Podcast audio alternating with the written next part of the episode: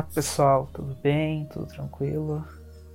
Estamos aqui gravando mais um podcast do On Brand. E vamos lá, gente está vivendo a Copa do Mundo. A gente está vivendo o período mais legal que existe no mundo, assim. Eu sou apaixonado por Copa do Mundo. E a gente está hoje aqui, hoje é segunda-feira. Uh, hoje que dia que é? Hoje é dia 21? Hoje é 22? Hoje é dia 21 de novembro de 2022 e já teve quatro jogos no momento. E eu tô pegando, eu tenho uma TV, que era essa TV era da minha avó. E ela é enorme, na verdade, ela é bem grande, pesada, não tem como erguer ela aqui.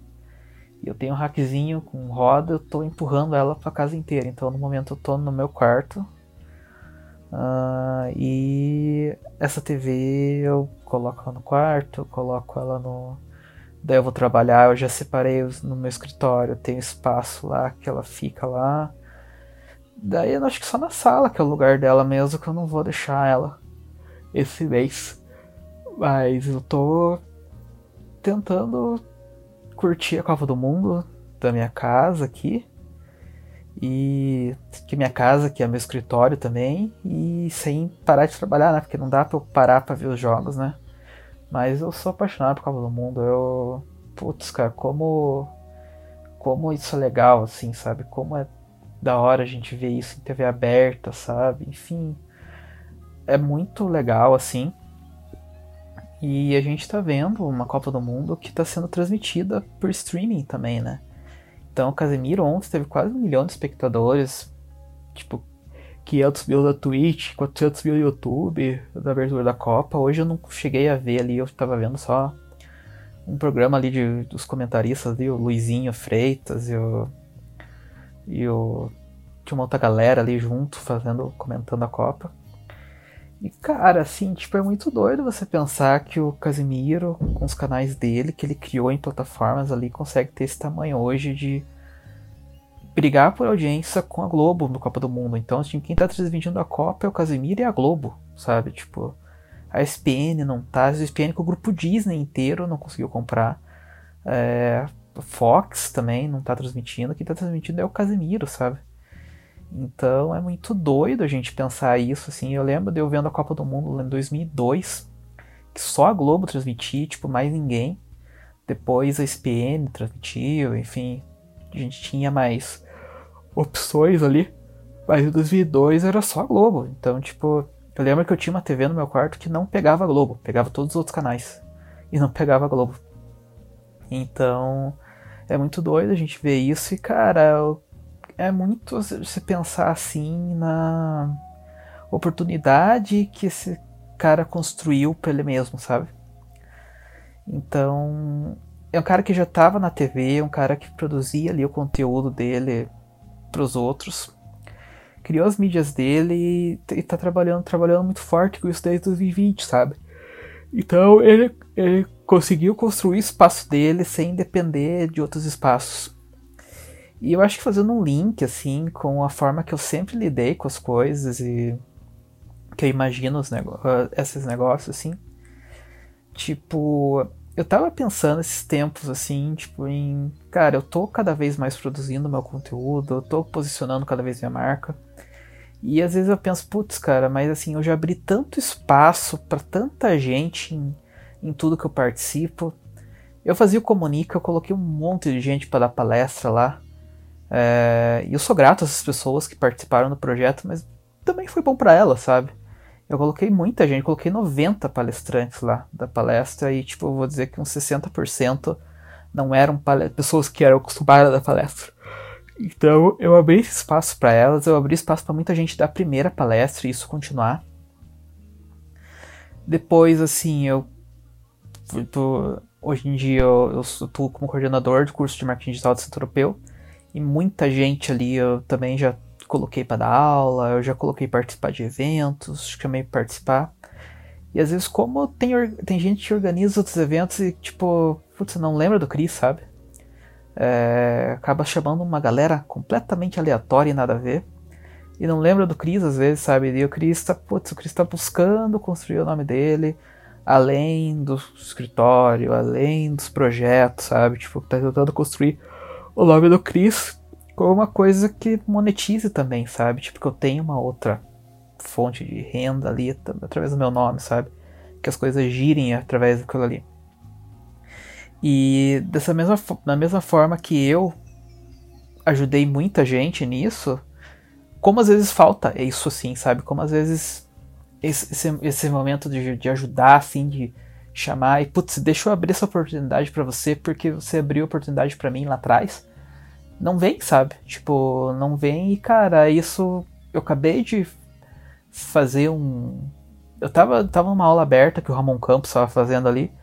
E ele falou exatamente a mesma coisa, que com ele, assim, tipo, ele montou o evento dele para rodar o Brasil muito porque tinha um amigo dele que tava fazendo, fez um evento em Fortaleza e não, e não tipo, chamou uma galera aleatória, uma galera que fez um monte de palestra bosta, e não chamou ele e ainda pediu para ajudar a, a divulgar o evento, sabe? Então, ele abriu a oportunidade dele.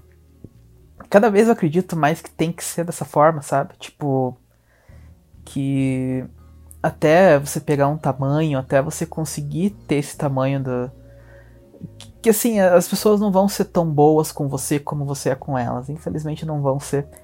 E tenho certeza que tem muita gente que olha para mim e fala, putz, esse Pia podia ter me aberto uma oportunidade e não abriu, abriu pra uma galera nada a ver. E da mesma forma que muita gente podia ter me ajudado, também não me ajudou. Então meio que fica na mesma, sabe? Mas o, o, o que, onde é que eu quero chegar com esse ponto, assim?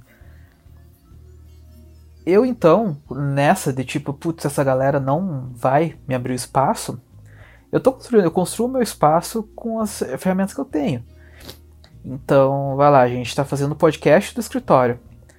Então, a gente paga lá uma produção de conteúdo que é bom para o escritório, a gente consegue trabalhar com cortes e é bom para minha imagem também, porque eu tenho um tipo de conteúdo diferente, eu, tipo, eu tenho um tipo de conteúdo que me posiciona e é muito bem produzido, que, que as pessoas não têm esse tipo de conteúdo aqui, né? As pessoas não têm esses cortes bonitos assim. Então isso me posiciona com um nível acima, isso é bom para mim. É... E cara, eu tenho as minhas mídias, eu tenho a possibilidade de fazer um evento a hora que eu quiser. Então eu tenho os caminhos para organizar isso. Eu consigo usar o escritório para produzir marca, produzir layout, construir as coisas. Então, assim, cara, se eu quiser montar um evento de palestra, eu não preciso de ninguém para me abrir esse espaço.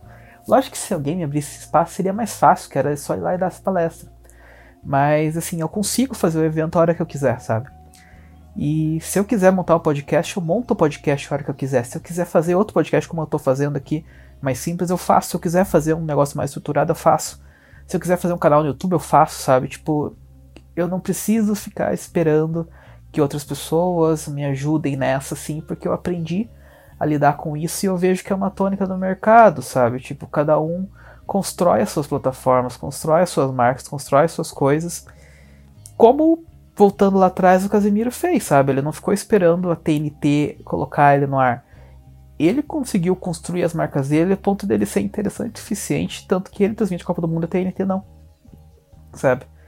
Então, cara, eu vou construir essas marcas minhas, essa, esses meus posicionamentos de uma maneira tão forte e tão muito bem feito que, cara, eu não preciso que me convidem para eventos daqui, eu não preciso que essa galera me abra espaço, porque eu vou abrir meu espaço isso vai ser tão interessante pro público que eu não vou precisar mendigar esse espaço para ninguém, sabe? Então, assim, a dica que eu dou com essa gravação, com, esse, com essa fala toda que eu tô fazendo aqui, é, cara, assim, construa seus espaços, construa suas coisas. Com a internet hoje em dia tudo, tá tudo mais aberto. Então, assim, cara, eu tenho o sonho de ser palestrante, eu tenho o sonho de participar de eventos, formatar minha marca, abrir meu espaço, produzir conteúdo para mais gente. Cara, constrói isso, vai atrás de parceria, vai atrás de pessoas que compartilhem disso com você, que você tenha essa troca de público. Não fique esperando que alguém te convide, que, que essa oportunidade surja, que não vai surgir, sabe? Muito dificilmente vai surgir. E cara, tá com foda-se pra tudo e monta as tuas coisas, que você vai ser mais feliz e, enfim, você consegue resultados melhores nessa do que ficar esperando que as outras pessoas tenham algum tipo de gratidão ou consigam abrir um espaço para você, porque geralmente não vem, cara. Geralmente eles vão convidar a pessoa mais aleatória e desconhecida delas. Beleza, pessoal? Bora lá. Mais um podcast do On Brand. Manda lá perguntas no meu Instagram que eu vou, vou responder no episódio de sexta. Beleza? Valeu, pessoal. Até mais.